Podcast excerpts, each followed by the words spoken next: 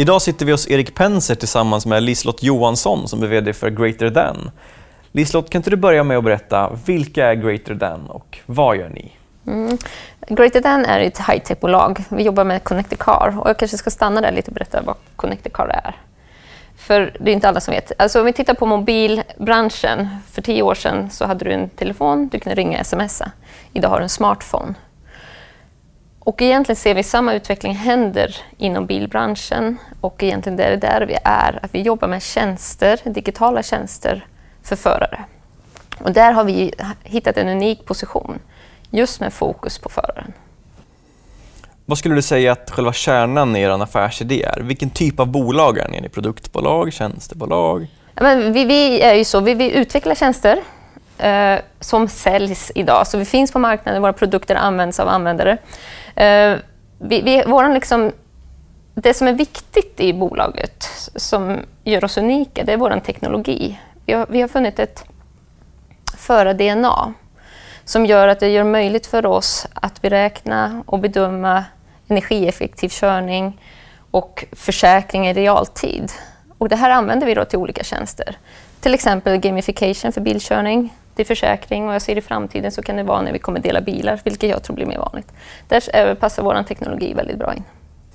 Men om vi tittar lite på marknaden då. Hur stor bedömer ni att den är för det, det ni har tänkt att sälja just nu? Liksom? Alltså, det som är spännande då, vi, vi, är just nu till stor del på svenska marknaden och den är en jättefin och bra marknad och den växer hela tiden för folk blir mer och mer medvetna om det här. Ungefär som när vi egentligen gick från mobiltelefon till smartphone. Man vet mer och mer om det. Idag bedömer vi marknaden till 300 till 400 000. Idag så har vi ungefär 20 000 användare. Eh, precis.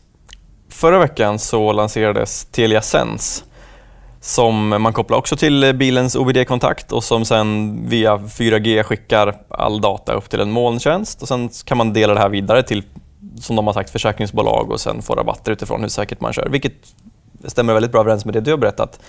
Vad tänkte ni när det här lanserades?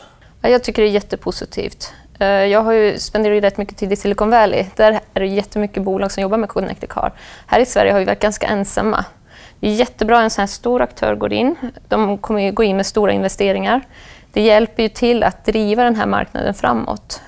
Just nu är det en ganska ny marknad och vi har fått pusha den. Men att få med en sån aktör är väldigt positivt. Ni har gått ut nyligen, eller jag vet inte hur nyligen, men ni har gått ut och sagt att ni kommer satsa på bilförsäkring. Hur resonerar ni här och hur kommer ni tjäna pengar på det här segmentet? Men idag, för idag har vi en NFI-plattform som är för digitala tjänster för användare, då, som, eh, för förare. Till det kommer vi koppla den här försäkringen. Och det som är våra nyckel i det, det är ju faktiskt att vi kan bedöma risk i realtid.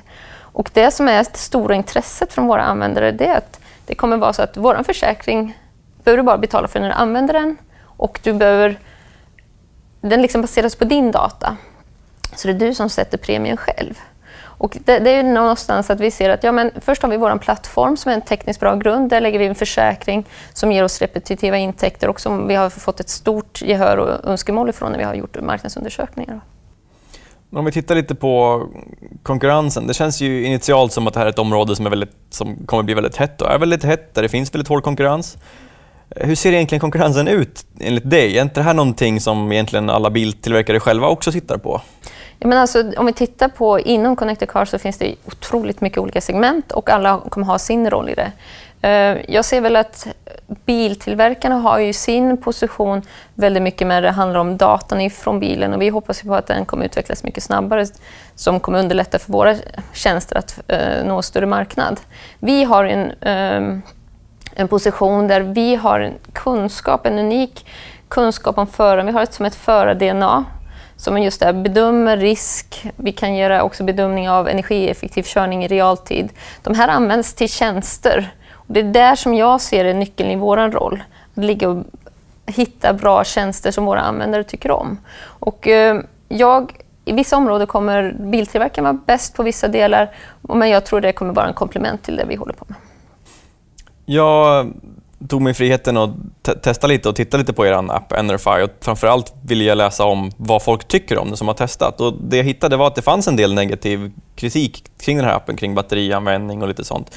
Hur har ni bemött den här feedbacken, den negativa feedbacken? Alltså, om vi tittar på, vi använder ju egentligen nätet, internet som vår kundtjänst för att vi ser att det är ett väldigt effektivt sätt att snabbt få feedback från våra kunder, från våra användare.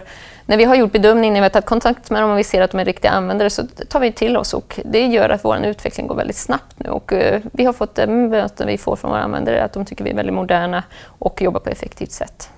Okay. Nyligen fick ni ett utvecklingsstöd från Energimyndigheten. Mm. Kan du berätta lite grann om vad det här stödet innebär och vad ni kan och ska använda pengarna till? Mm.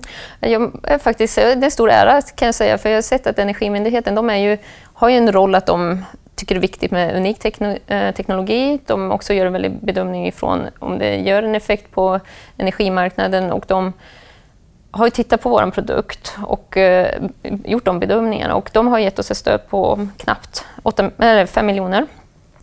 De här 5 miljonerna kommer vi använda till utveckling av försäkringsprodukten. De kommer användas också till en produkt som heter Rootgrade och det är också för lansering av att komma ut och synas mer på marknaden.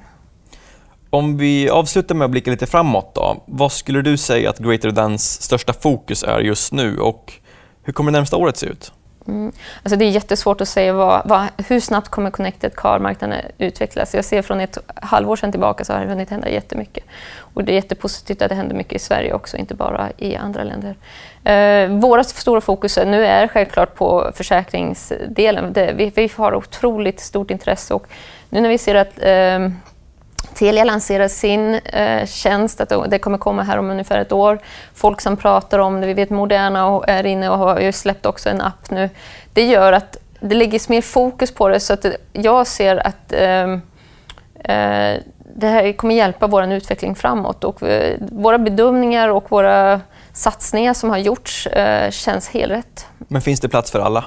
Jag ser att, alltså nej, det är inte säkert. Eh, jag ser att våran vi har ju funnits i tio år och vi har gjort en forskning och vi har en erfarenhet inom ett väldigt specifikt område. Alltså, vi ser på när jag är i Silicon Valley, då sitter man i rum med hundratals bolag som håller på med Connected Car. Men just det vi håller på med känns som ett väldigt stort komplement till vad andra tittar på. Så jag känner som att det, det, för oss är det bara positivt på den här utvecklingen när fler aktörer kommer in där, där vi har vår position och de hjälper till att driva marknaden framåt. Men det vill jag tacka dig för att du tog dig tid och så vill jag framförallt önska lycka till framöver. Mm, tack.